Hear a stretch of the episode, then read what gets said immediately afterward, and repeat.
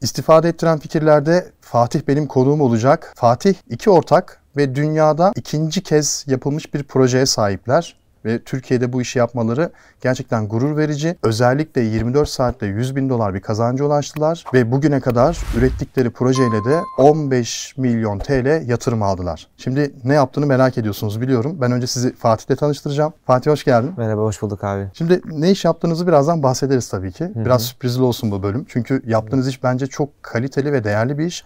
Ee, dünyada bu yaptığınız işi Kanada'da yapan bir firma var. Evet. İkinci sizsiniz. Yani evet. ikinci Türkiye'den. Evet. Bu çok güzel çok bir şey aslında. Biraz seni tanıyalım. Fatih kimdir? Ee, geçmişten de bahsedebilirsin. Ee, ismim Fatih. Ee, aslen Antalyalıyım. 24 yaşındayım. Ee, normalde üniversitemi bitirmiş olmam gerekiyordu fakat e, projeden dolayı üniversite eğitimim son dönemimde olmama rağmen bitiremedim henüz. Önümüzdeki sene inşallah bitecek. Hangi bölümde okudun üniversitede? Ee, Yeditepe Üniversitesi'nde Uluslararası Ticaret ve İşletmecilik bölümü. Aa süper. O zaman İstanbul'da yaşıyorsunuz ailenle. Yok, e, biz aslen Antalyalıyız. Ortaokul ve lise eğitimimi Antalya'da tamamladım. Ardından üniversite eğitimim için 2017 yılında İstanbul'a geldim. Ondan beri İstanbul'da tek başıma yaşıyorum. Tek başınasın. Evde mi evet. yurtta mı? İlk zamanlar yurttaydı. Ardından şu an evdeyim. Ha süper. Peki üniversiteden biraz bahseder misin? Hangi bölümde okuyordun? Şu an birazdan anlatacağım projenin ilk tohumları ne zaman atıldı? Şöyle e, tabii biz ben lise eğitimim son dönemlerinde artık üniversite tercih zamanı geldiğinde e, Uluslararası Ticaret ve İşletmecilik bölümünü istiyordum. İstanbul'a gelmek istiyordum özellikle. Bölümden ziyade İstanbul'u çok fazla istiyordum. Hem buradaki iş imkanı olsun hem e, ticari faaliyetlerin burada yoğun olması İstanbul'u benim için cezbedici kılıyordu. Ardından Uluslararası Ticaret ve İşletmecilik bölümünün derslerine baktığımda da satış, pazarlama, işte ihracat, lojistik tarafında e, hemen hemen her konuda dersler olduğunu görünce o alanda eğitim almaya karar verdim. Üniversiteye geldiğimiz ilk sene İstanbul'a geldikten sonra e, vizyonumuz da genişledi. Çünkü İstanbul'da işte girişimcilik olsun, teknoloji olsun, e-ticaret tarafı olsun çok fazla etkinlik var. Çok fazla katılabileceğimiz e, faaliyetler var. İşte eğitimler olsun, etkinlikler olsun, programlar olsun. Üniversiteye geldiğimiz ilk seneden itibaren aslında kendimizi geliştirmesinden çok hazır bir şekilde gelmiştik. Antalya'daki imkanlardansa İstanbul'daki imkanlar daha fazla olduğu için. Geldiğimiz seneden itibaren ilk başta işte girişimcilik tarafında kendimizi geliştirmeye başladık. Devamında işte teknoloji tarafında özellikle spesifik olarak 3 boyutlu lazer alanında kendimizi geliştirmeye başladık. O şekilde başladı. Peki şimdi ben de üniversite okuduğum için hani üniversitenin zorluklarını yaşa- yaşayan bir insan olarak biliyorum. Yani ben biraz zor bir öğrencilik dönemi yaşadım. Yani maddi olarak bahsediyorum, maddiyattan bahsediyorum. Hı-hı. Senin maddi olarak bu fikirlerini hem okul okurken hem de girişimcilik yönünde besleyen bir destekçin var mıydı? Yani şöyle tabii bizim de üniversiteye geldiğimiz ilk seneden itibaren maddi koşullarımız çok elverişli değildi. Çünkü zaten üniversitenin belli bir giderleri var. Hani temel ihtiyaçlarımızın belli bir gideri var. Onun harici işte proje yapmak için vesaire dediğimiz takdirde çok bir bütçemiz yoktu. Ben 3 farklılardan burs alıyordum. Yani devletin vermiş olduğu KYK bursunu alıyordum. Onun dışında iki farklı kurumdan da burs alıyordum. E, o, o bursların haricinde tabii alemden de destek alıyordum ama e, onlar aslında benim temel ihtiyaçlarımı karşılıyordu. Ekstra bir birikim yapıp e, onunla bir proje e, yapmak veya herhangi bir iş kurmak gibi bir çok yüksek tutarlar değildi öyle şeyler için. Tabii ondan sonra ben ilk, ilk sene itibaren hem kendimi geliştirirken hem de e, bu bursları biriktirmeye başladım aslında. Bu burslara hiç dokunmama, dokunmamaya çalıştım. Olabildiğince gelecekte projemizdeki e, aslında temel şeylerde de hem benim hem ortağımın biriktirmiş olduğumuz burslarımızla başladı ARGE çalışmalarımız. Peki şimdi 3 boyutlu yazıcı diyorsun ki dünyada bunu yapan Kanada var. Bir de Türkiye'den Hı-hı. ben varım diyorsun. Evet. Peki 3 boyutlu yazıcı her yerde var aslında. Sizi Tabii. burada ikinci yapan ya da Türkiye'de tek yapan olay ne? Biz de aslında ilk başta 3 boyutlu yazıcı yaptık. Dünyada çok fazla 3 boyutlu yazıcı markası var. 3 boyutlu yazıcı modeli var. Hı-hı. Ve insanlar o, evinde oturduğu yerden internetten tasarımını indirip 3 boyutlu yazıcı yapabiliyorlar. Aslında bizim yaptığımız ilk yazıcı da böyle bir yazılı, yazıcıydı. Parçalarını Çin'den, Karaköy'den işte bizim esnaflardan toplayarak aslında ilk yazıcımızı yaptık biz. 2018 yılında ortamla birlikte. Bu yazıcımızda ilk hedefimiz insanlara baskı hizmeti vermekti. E, bu baskı hizmetiyle o zamanki düşüncemiz işte bir yazıcı daha alırız, bir yazıcı daha alırız. Böyle yazıcı sayısını arttırırız. Çok fazla 3 boyutlu baskı hizmeti veren bir ticari şeye dönüştürürüz diye düşündük. Sonrasında gördük ki yani baskı hizmeti vermek, özellikle hizmet vermek e, böyle geniş alanlara ulaşmamış bir alanda zordu. Ondan sonra şuna karar verdik. O zaman 3 e, boyutlu yazıcılar tek renkli baskı yapıyordu. İnsanlar bize soruyordu işte ben renkli bir şey yaptırmak istiyorum. Nasıl yaptı, yapabilirim? O zamanki mevcut yöntem o tek renkli baskıyı alıp işte zımpara, astar, e, boya gibi işlemler uygulayıp boyamaktı aslında bildiğimiz eski usul. Ondan sonra e, bahsettiğiniz gibi bizim aslında şu anki projemizin doğuşu öyle oldu. Dünyada mevcut 3 boyutlu yazısını kullanacak hem de renkli baskı yapabilecek bir yazıcı şeyi yoktu. E, hobi tarafından bahsediyorum. Endüstriyel alanda var öyle makineler ama bunlar 500 bin dolar, 400 bin dolar çok ciddi sanayi firmalarının alabileceği şeyler. Hobi kullanıcılarına baktığımızda böyle bir çözüm yoktu ortada. E, dedik ki bir makine yapalım. Bu makineyle insanlar kendi 3 boyutlu yazıcılarını kullanmaya devam etsinler. Ama aynı zamanda 3 boyutlu yazısını yükseltmiş olsunlar ve renkli baskı yapabilsinler. E, ardından projemiz olan co üzerine çalışmaya başladık. Peki hobi derken tam olarak canlandıramadım gözümde. Hobi Şöyle- ne demek? 3 boyutlu yazıcı hobi kitlesi aslında 3 boyutlu yazıcının doğuşundan itibaren çok önemli yer almış. E, insan e- evinde PlayStation oynar gibi 3 boyutlu yazıcıyla vakit geçiren, hem tasarım yapan, hem baskı yapan, işte o baskılarla projeler yapan veya o baskıları hobisi odaklı, işte örnek veriyorum NBA seviyordur. İşte Michael Jordan bas- baskısı, işte Chicago Bulls baskısı gibi baskılar yapıp e, onları projeye döken veya işte teknik tarafta, tasarım tarafında kendi çizdiği projeleri, kendi çizdiği işte makineleri üret- üretim tarafında 3 boyutlu yazıcı kullanan insanlar aslında biz onları hobi kullanıcısı diyoruz. 3 boyutlu yazıcının şu anda dünyadaki büyük bir çoğunluğu da hobi amaçlı 3 boyutlu yazıcı kullanıcıları. Bunlar işte dediğim gibi evinde e, özellikle Avrupa'da ve Amerika pazarında çok aktifler. Evlerinde 3 boyutlu yazıcıları var. Hatta birden fazla modelde farklı özelliklere sahip 3 boyutlu yazıcıları var. Ve onların genelde işinden arta kalan zamanında çoğunlukla 3 boyutlu yazıcılarla ilgileniyorlar. Farklı tasarımlar oluşturuyorlar veya internetteki hazır tasarımlar alıp onları üretiyorlar. Ve bunların çok büyük grupları var. İşte toplulukları var Facebook'ta, Reddit'te, farklı alanlarda. Burada çok fazla sosyaller. İşte benim yazılımda sorunu aldım, şöyle çözdüm. Veya işte şöyle bir yükseltme yaptım, siz de yapın çok güzel diye böyle çok aktif bir topluluk var. Biz bu topluluğun tamamına 3 boyutlu yazıcı hobi kullanıcıları diyoruz. Plastik malzeme mi peki bu yoksa metal yapabiliyor mu? Sadece plastik değil mi? Evet yani bizim şu anki şey yaptığımız FTM tipiyle çalışan 3 boyutlu yazıcılarla uyumlu. Bunlar genelde plastik. Tabii mermer katkılı, işte bronz katkılı, ahşap katkılı filamentler de var. Ee, hem doku olarak hem koku olarak mesela ahşap veren filamentler var. İşte mermer katkılılar var. Ama çoğunluğu, büyük bir çoğunluğu plastik. Sert plastik mi yumuşak plastikle yapabiliyor mu? Yani PLA diye geçiyor. Ee, bu e, geri dönüştürülebilir malzemeden üretiliyor aslında. Nişasta vesaire var içinde.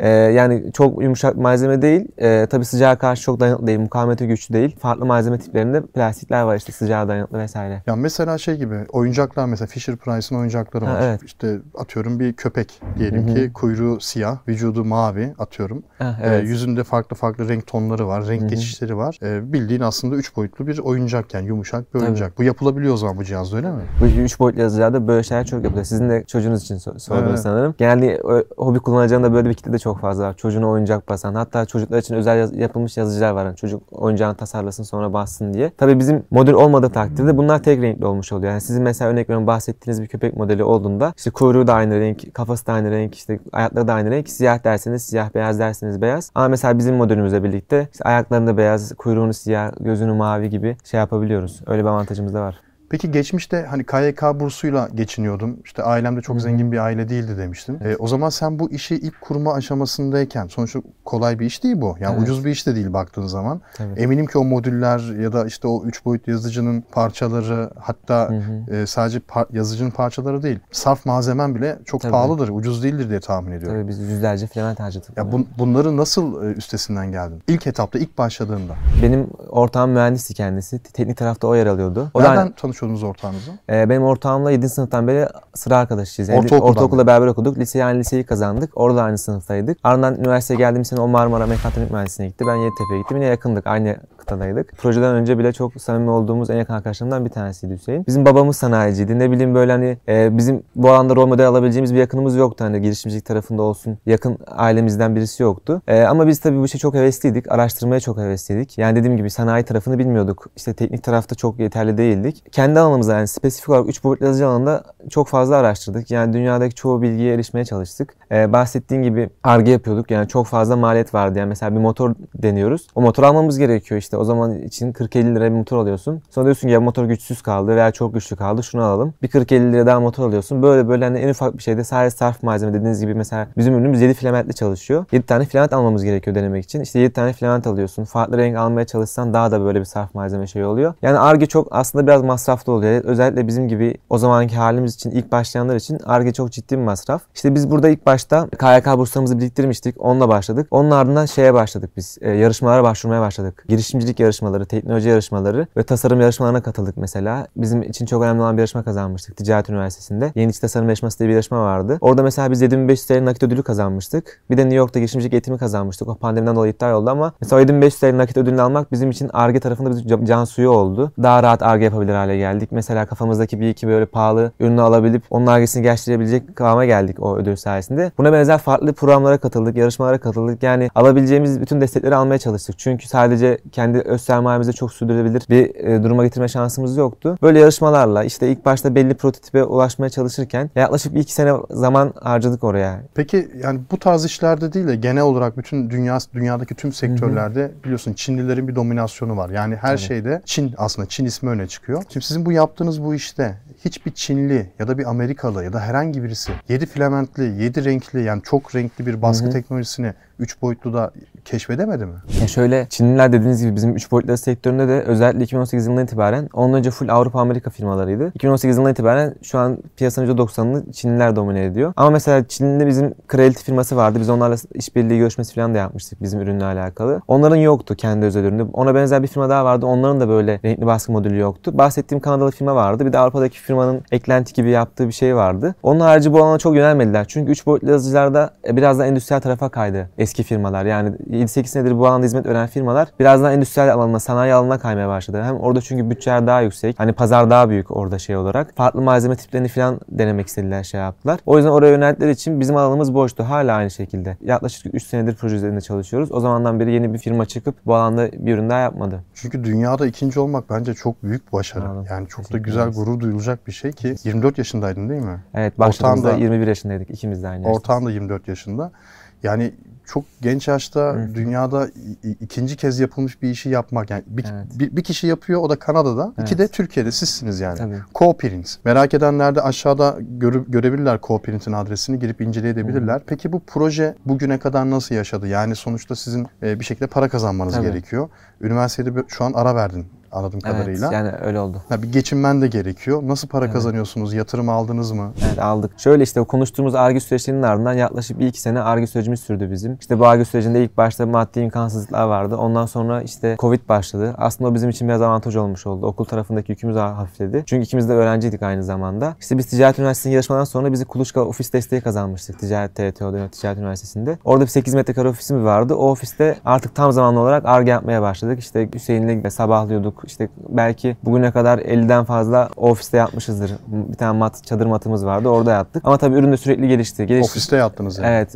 Çok yattık. Şu an hala yatıyoruz yani. Ofiste yatmaya devam ediyoruz. evet. İşte o zaman ilk ürünümüz dört renkli bir prototipti. Biraz daha büyüktü. Onu bir pazara sunmayı denedik. Orada başarısızlık yaşadık. Dedik daha ürün biraz daha gelişmesi gerekiyor. Kafamızda da nasıl gelişeceğiyle alakalı çok senaryo vardı. Dedik bir daha her şeyi yakıp bir daha ARGE'ye devam ettik. Ondan sonra Kickstart diye platform vardı. Global bir kitlesel fonlama platformu. İnsanlar burada yeni çıkan teknolojilere yatırım yapıyor yani yatırım yapıyor derken onu satın alıyor aslında. Ön, ön sipariş vermiş oluyor. Yani Kickstarter çok e, büyük platform. Bugüne kadar 6-7 milyar dolardan fazla bir projelerin topladığı fon var. Mesela örnek veriyorum ilk akıllı saat ta 2010 yılında orada çıkmıştı. Yaklaşık 10-12 milyon dolar toplamıştı. Böyle projeler orada çıktığı için insanlar böyle özellikle bu erken benimseyenler dediğimiz teknoloji kitlesi oradan yeni çıkan ürünleri e, satın almaya müsait. Biz de orayı özellikle 3 boyutlu yazı alanında takip ediyorduk uzun zamandır. Oraya bir ürün çıkarma niyetimiz her zaman vardı ürünle alakalı. Sonra ürün bittiğinde artık dedik yani ürün final prototipi ulaştı. Gerçekten dünyadaki rakibiyle yarışabilecek seviyede, pazara çıkabilecek seviyede. Ondan sonra biz Kickstarter çalışmalarına başladık. Yani yaklaşık 3 ay Kickstarter hazırlık yaptık. İşte reklam faaliyetleri gerçekleştirdik. Biraz önce bahsettiğim topluluklar vardı yani bu insanların aktif olduğu hobi kullanıcıları. Oraya biz ürünümüzü göndermeye başladık böyle. Mesela ürünümüzden çıkan baskı atıyorduk. İnsanlar aa süpermiş bu neyle yapıldı? Ee, ben bunu nasıl alabilirim diyordu. Sonra biz onları web sitemize yönlendiriyorduk. Orada da işte yakında Kickstarter linki koyuyorduk. Oradan bir mail listesi toplamaya başladık. Yani yaklaşık biz tamamen organik şekilde hiç reklam para harcamadan 2500-3000 arası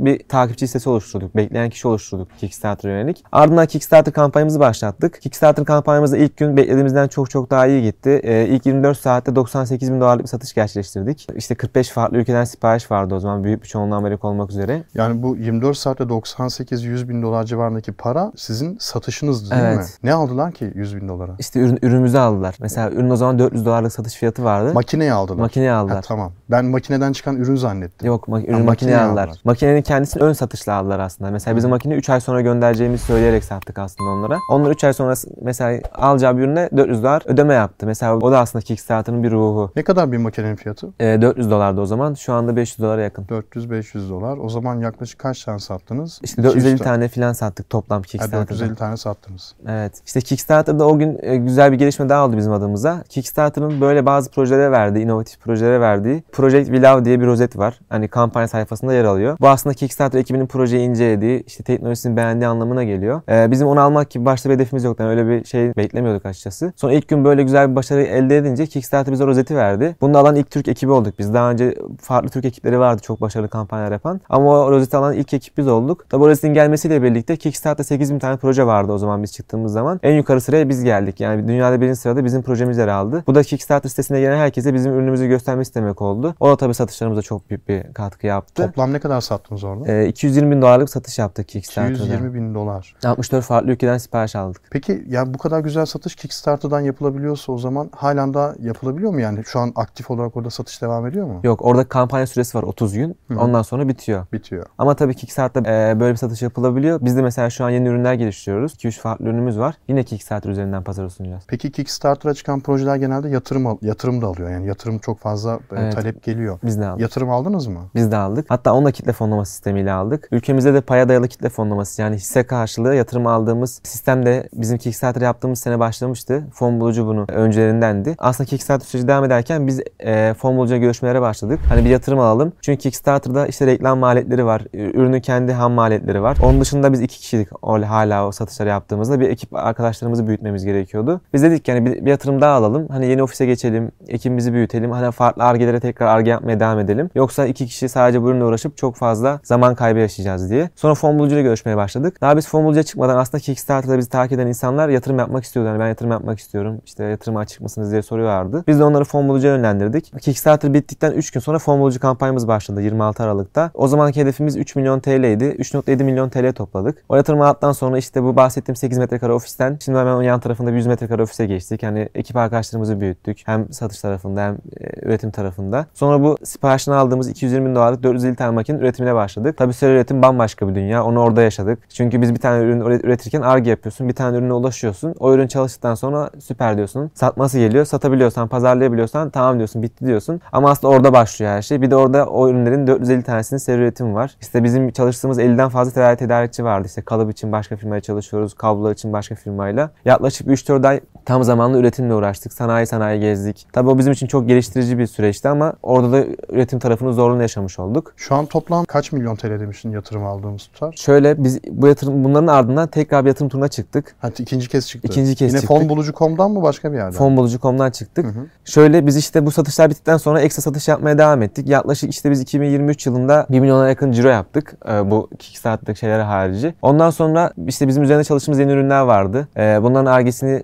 bitir, bitirmek üzereydik. Şu an onların lansman aşamasındayız. Onun için bir te- tekrar yatırım turuna çıkmak istedik. Hem ekibimizi biraz daha büyütüp hem global taraftaki e, lojistik tarafında sıkıntılar yaşamamak için o tarafta bir operasyon kurmak istedik. İkinci yatırım turumuzu planlamaya başladık. Bu arada Baykar CEO'su Haluk Bayraktar da bizim ikinci yatırım turumuza katıldı. Onun dışında bizi ilk turdan yatırım yapa- ya- yapamamış ama yapmak isteyenler sürekli soruyorlardı. Tekrar çıkacak mısınız? Ne zaman ne zaman bir daha geleceksiniz diye. Onları da tekrar haber verdik. Bu sene 2023'ün başında tekrar bir yatırım turuna çıktık. Oradaki hedefimiz de 12 milyon liraydı. 12 milyon lira hedefiyle çıktığımız kampanyamıza ilk 7 dakikada hedefimize ulaştık. Yani e, ilk 7 dakikada neredeyse 20 milyona yakın talep geldi. Sistem filan çöktü. Yatırımcılarımız sağ olsun çok destek oldular. Çok fazla insan e, bize desteğini gösterdi aslında yatırım turunda. Yatırım turu tamamlanmış oldu. Fazla talep olunca iade ediliyor yatırımcılara tekrar. Kısmi iade oluyor. Ondan sonra 12 milyon TL yatırım hesabımıza geçti şu anda. O kampanya bitti. Türkiye'de kitle fonlama sisteminde en fazla fon toplayan, en fazla yatırımcıya sahip, en hızlı fonlanan gibi sıfatlara sahip olduk aslında yatırımcılarımız sayesinde. Ve aslında şu, şu fırsata sahip olduk. Bizim gibi donanım geliştiren, ofiste, atölyede arge yapan genç gençlere aslında böyle bir yolun, finansman yönteminin olduğunu gösterme fırsatımız oldu. Çünkü biz e, ortamda en başından beri Kickstarter'a da çok fazla inanıyorduk. Kitlesel fonlamaya da çok fazla inan- inanıyorduk. Hani böyle bir yoldan gidilerek başarıya ulaşılabileceğini yani geleneksel yöntemlerden farklı olarak hani makine yapayım satayım, onun gelen parasıyla bir tane daha yapayım satayım. İşte ilk önce Kickstarter üzerinden ürünümü satışa sunayım. Ardından orada siparişlerimi alayım. Ardından kitle fonlaması yatırım alayım. Üretimleri gerçekleştireyim. Yeni ürünlere devam edeyim gibi bir aslında bambaşka bir iş modeli oluşturduk. Yani biz de tabii böyle planlamadık bunu baştan ama süreç geliştikçe böyle bir e, iş modeli oluştu. Bu da aslında bizim bu başarılarımız da bu iş modelinin ispatı oluyor. Bizden sonra bu anda gelecek bütün e, teknoloji girişimcilerine bir yol göstermesini diliyoruz şu anda. Ya aslında Türkiye'de teknoloji geliştirmek isteyenlere kapılar ardına kadar açık ya. Şimdi ben tabii işin içinde çok fazla değilim. Teknoloji geliştirmiyorum. Ee, ama gördüğüm kadarıyla yani senin anlattığın kadarıyla ve fonbulucu.com'u da ben çok yakından takip ediyorum. Orada hatta ben de birkaç şirkete yatırımda bulundum. Ee, çok da güzel platform. Oradaki projelere de bakıyorum. Çok parlak, önü açık, inanılmaz güzel e, işler var. E, şey de değil böyle hani e, içi boş, e, şişik Evet, projeler de değil. Para kazandıran projeler ki sen ispatlamışsın bilirsin zaten. Kickstarter'da evet. işte 200 bin dolarlık satış, 24 saatte 100 bin dolarlık satış. Bunlar e, demek oluyor ki bu proje gelecekte yani bundan belki bir 5-10 yıl sonra çok hızlı satan bir e, büyük bir iş haline gelecek. Belki de Türkiye'nin Xerox'u olacak bu. Yani 3 boyutlu yazıcı sektöründe. Kaldı ki sen hobi sektörüne hitap ediyorsun. Biraz Tabii. daha niş bir e, kategori. Hı-hı. Endüstri değil sonuçta. Endüstriyel ürünler yapmıyorsun belki ama en azından bu sektöre biraz daha ev kullanımına Hı-hı. yönelik ürün ürettirdiğin evet. için şu an benim ilgimi çekti mesela. Benim kızım var. Ben diyorum ki ya şimdi e, yayından sonra bakacağım Co-Print'e. Yani eğer sipariş edebiliyorsan bilmiyorum tabii, tabii. sipariş açık mı? Açık, e, sipariş ediyorsan bir tane edeyim mesela. Tabii canım, e, demek. Yapayım. Yani eğlenceli olur, güzel olur. Tabii Tasarımlar yaparız. Üç boyutlu basarız. Peki bu işte yani sonuçta 15 milyon TL burs almışsın. 200 bin TL'lik işte Kickstarter'dan bir satış gelmiş. 200 bin dolar pardon. Önü de açık. Sürekli çalışıyor. Sürekli para kazandıran bir iş. Geleceği nasıl planladınız? Burada ne, ne gibi bir amaç var? Evet abi daha aslında senin özetlediğin gibi e, burada 3 boyutlu sektörünün niş bir alanına hitap ediyoruz. Ve endüstriyel tarafta şu anda yokuz. Şimdi bizim hedefimiz e, yeni bir ürün geliştiriyoruz şu anda. Yine aynı şekilde renkli baskı yapabilecek ama 3 boyutlu yazıcının yazılım tarafına da girdiğimiz, yazılım tarafını bizim yönettiğimiz bir ürün yapıyoruz. Bu ürünle birlikte aslında 3 boyutlu yazıcının yazılımının çok daha gelişmiş versiyona ulaşmasını hedefliyoruz. 3 boyutlu boyutlu lazeri daha da hızlandıracak. İşte 3 boyutlu lazeri uzaktan kontrol etmeye yarayacak. Ve aynı zamanda çok daha kolay renkli baskı yapabilecek bir ürün yapıyoruz şu anda. Yine bunu da Kickstarter üzerinden pazara sunacağız. Detaylarını bir iki ay içinde duyuracağız şey olarak. Bu üründen de ciddi bir satış bekliyoruz yine şey olarak Kickstarter'da. Ardından bizim hedefimiz en başından beri 2017 yılında ortamda bir 3 boyutlu yazıcı gördüğümüzden beri kendi 3 boyutlu yazıcımızı yapmak. Bu alanda e, hem Türkiye'de hem dünyada gerçekten insanların çok profesyonel dediği bir üç boyutlu yazıcı yapmak istiyoruz. Ee, benim Hüseyin'in mesela bir lafı var. Her, her zaman böyle şeylerde söylemeye çalışırım. Ben gece rüyamda üç boyutlu yazı tasarlayıp duruyorum. Hani uyuyamıyorum üç boyutlu yazı tasarlıyorum diye. O biraz bizim bir ulaşmak istediğimiz bir hedef. Onunla alakalı yavaş yavaş aile çalışmalarına başladık. 2004 yılında üç boyutlu yazıcımızı yapmak istiyoruz. Bu üç boyutlu yazıcımızı yaptıktan sonra bütün bu ürünlerle aslında üç boyutlu yazı sektörünün hem endüstriyel tarafında hem son kullanıcı tarafında tamamına hitap edebilecek bir üç boyutlu yazı şirketi olmayı hedefliyoruz. Globalde çok büyük başarı elde etmek. Tabii Türkiye'de de en iyi firmalardan biri olmak istiyoruz. E, hem bunu yaparken hem Coprint olarak ülkemizi çok iyi temsil etmek istiyoruz. Hem de aynı zamanda ülkemizde bizim arkamızdan gelen girişimlerle birlikte 3 boyutlu sektöründe özellikle ve teknoloji girişimlerinde bir ekosistem oluşmasını hedefliyoruz. E, böylelikle yaklaşık 5 sene içinde gerçekten bu alanda e, bizim bize benzer projeler çıkarsa, farklı alanlarda başarılı girişimler ortaya koyabilirsek 3 boyutlu sektörü çok daha olgunlaşmamış bir pazar. Çok daha gidecek yolu var. Eğer biz bu yolu 3 e, boyutlu sektörle birlikte yürüyebilirsek, sektörle birlikte büyüyebilirsek çok yüksek tutarlardan, çok büyük e, fabrikalardan, çok büyük e, bütün dünyada satan bir 3 boyutlu yazıcı markası olmak bizim için hayal değil. Gerçekten hedefimiz şu an e, en büyük hedefimiz bu. 3 boyutlu sektöründe bunu başarmak istiyoruz. E, ürünlerimizi de buna göre tasarlamaya çalışıyoruz. Uzun vadeli tasarlamaya çalışıyoruz. Ve 3 boyutlu sektörün dediğim gibi her tarafına hitap etmeye çalışıyoruz. Mükemmel ya. Yani Türkiye'de ilksin, dünyada ikisin. Ee, inşallah daha da böyle güzel işler de evet. yaparsınız. E, ben tebrik ediyorum. E, bir de şunu da merak ediyorum. Şimdi yeni bir girişimci yani sizin konunuzdan bambaşka bir Hı-hı. konuda ilerleyen bir girişimci var diyelim ki. Çok güzel projesi var. Atıyorum akıllı bileklik yaptı. Yani evet. şey böyle boncuklu bir şey. Akıllı bileklik yaptı ya da ne bileyim bir, bir teknoloji üretti. E, bu teknolojiyi ilk sunabilmesi için, para kazanır hale getirmesi için ilk gireceği yer, ilk atacağı adım Kickstarter mı? Dediğin gibi mesela akıllı bileklik Kickstarter için çok güzel bir örnek. Donanım Hı. teknolojisi güzel bir girişim. E, mesela yazılım tarafındakiler için Kickstarter değil biraz daha. O biraz daha kullanıcına ulaşması lazım bir şekilde kanal olarak. Kickstarter biraz daha ürün odaklı aslında. Tabii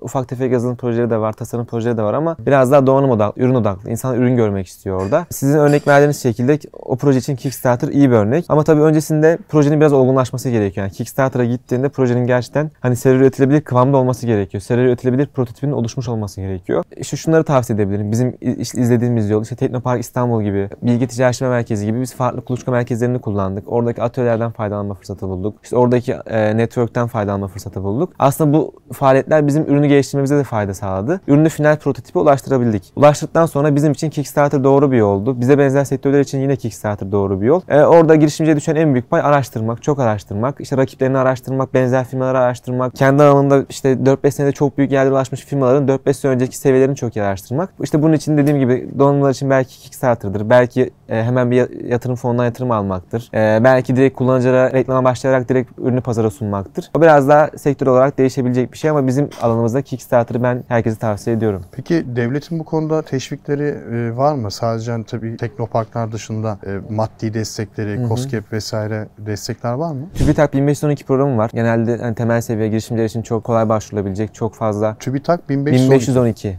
Tamam. BIG programı diye geçiyor. COSGAP'in ARGE programları var, ÜRGE programları var, e, ileri girişimci destek programları var. COSGAP'in web sitesinde işte girişimcilik eğitimleri var. Onu tamamladıktan sonra bu desteğe başvurmaya hak kazanabiliyor girişimciler. E, o, o ikisi çok fazla başvurulan ve çok fazla da des- destek verilen destekler benim bildiğim kadarıyla. Onlar projeye başlangıçta ARGE kısmında bir can suyu olabilir girişimcilere. Devamında dediğiniz gibi Teknopark gibi profesyonel kurumlardan da destek alarak hani iş fikrinin daha da olgunlaşması ve doğrulaması aslında gerçekleştirilebilir. O zaman sırasıyla önce devlet destekleri, sonra Teknopark gibi e, kuluçka merkezleri, Hı hı. ondan sonra Kickstarter gibi projeyi hızlı satabileceğimiz platformlar. Sonrasında zaten yatırım için fon bulucu.com dedik. Hani adım adım şu an e, bir, giri- bir girişimci nasıl bir senaryoda ilerleyecek onu çıkartmaya çalışıyorum. E, ondan sonra zaten proje artık e, rayına giriyor. Peki Evet. Kickstarter'ın bir ürünün fiziki olarak sonuçta olması gerekir demiştin ya Kickstarter Hı hı. için. E, burada Kickstarter'a benzeyen yazılım projeleri için e, üretilmiş, geliştirilmiş bir farklı bir platform var mı? Ya ben benim- bilmiyorum. Ben de çok detaylı bilmiyorum. Ee, mesela işte farklı böyle yazılımcıların yazılım projesini paylaştığı platformlar var. Hani insanlar inceleyip Aa, bu güzelmiş ben bunu kullanabilirim diye şey yapıyor ama Kickstarter mantığında böyle bir anda hani işte 30 gün süreyle satışı yapılan abonelik vesaire olan değil. Hani biraz daha duyurma gibi. Biz böyle bir proje yaptık